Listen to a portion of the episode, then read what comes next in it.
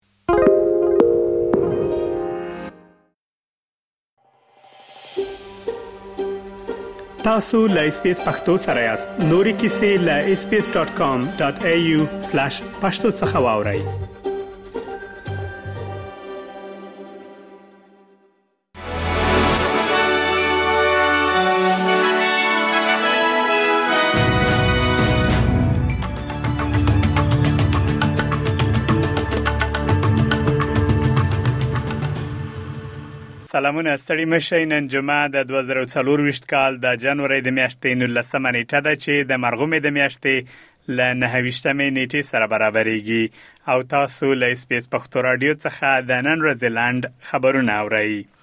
د استرالیا لومړی وزیر انتوني البنیزي وایي حکومت ژمنه کوي چې په دریم پړاو کې به د مالیاتو کمښت طرحه وړاندې کړي چې پر اساس به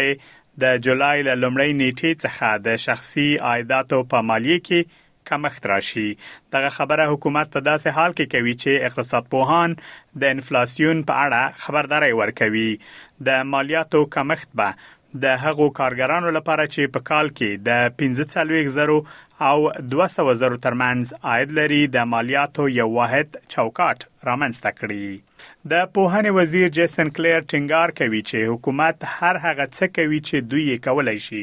ترڅو د آسترالیانو کورنیو لپاره د ارزانه زده کړو ډاټ ترلاسه کړي دا په داسې حال کې ده چې یو نوی راپور ښیي چې د والدینو دریمه برخه نشي کولای د ښوونځیو اړین تجهیزاتو لپاره لکه سټیشنري او یونیفورم لپاره پیسې برابرې کړي. د سروې یوولس سلنه ګډونوالو ویلي که چیرې د مکتب لګښتونه پوره کړي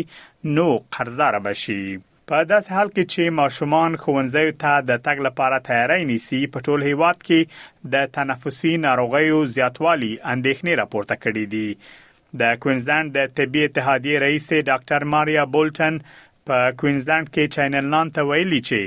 د مایکروپلازما ډېرې پېښې شتون لري چې کولی شي د سینه بغل او نورو ویروسونو لکه آر اس وي لامل وګرځي. نوموړې وایي د هغو ماشومانو لپاره ځانګړې اندېښنې شته چې د سالنډۍ په ناروغۍ اخته دي. او په داسې حال کې چې په افغانستان کې د ښځو وضعیت په اړه اندېښنې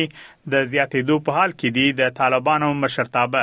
ملا هبت الله په خپلو تازه څرګندونو کې ادعا کړې چې افغانستان کې د ښځو حقونه په بشپړه توګه خوندي دي. نوموړی دا خبرې په داسې حال کې کوي چې په وروستیو ورځو کې راپورونه ښيي چې په کابل ښار کې ځینې نجونې د حجاب د نه رعایتولو له امله نیول شوې دي.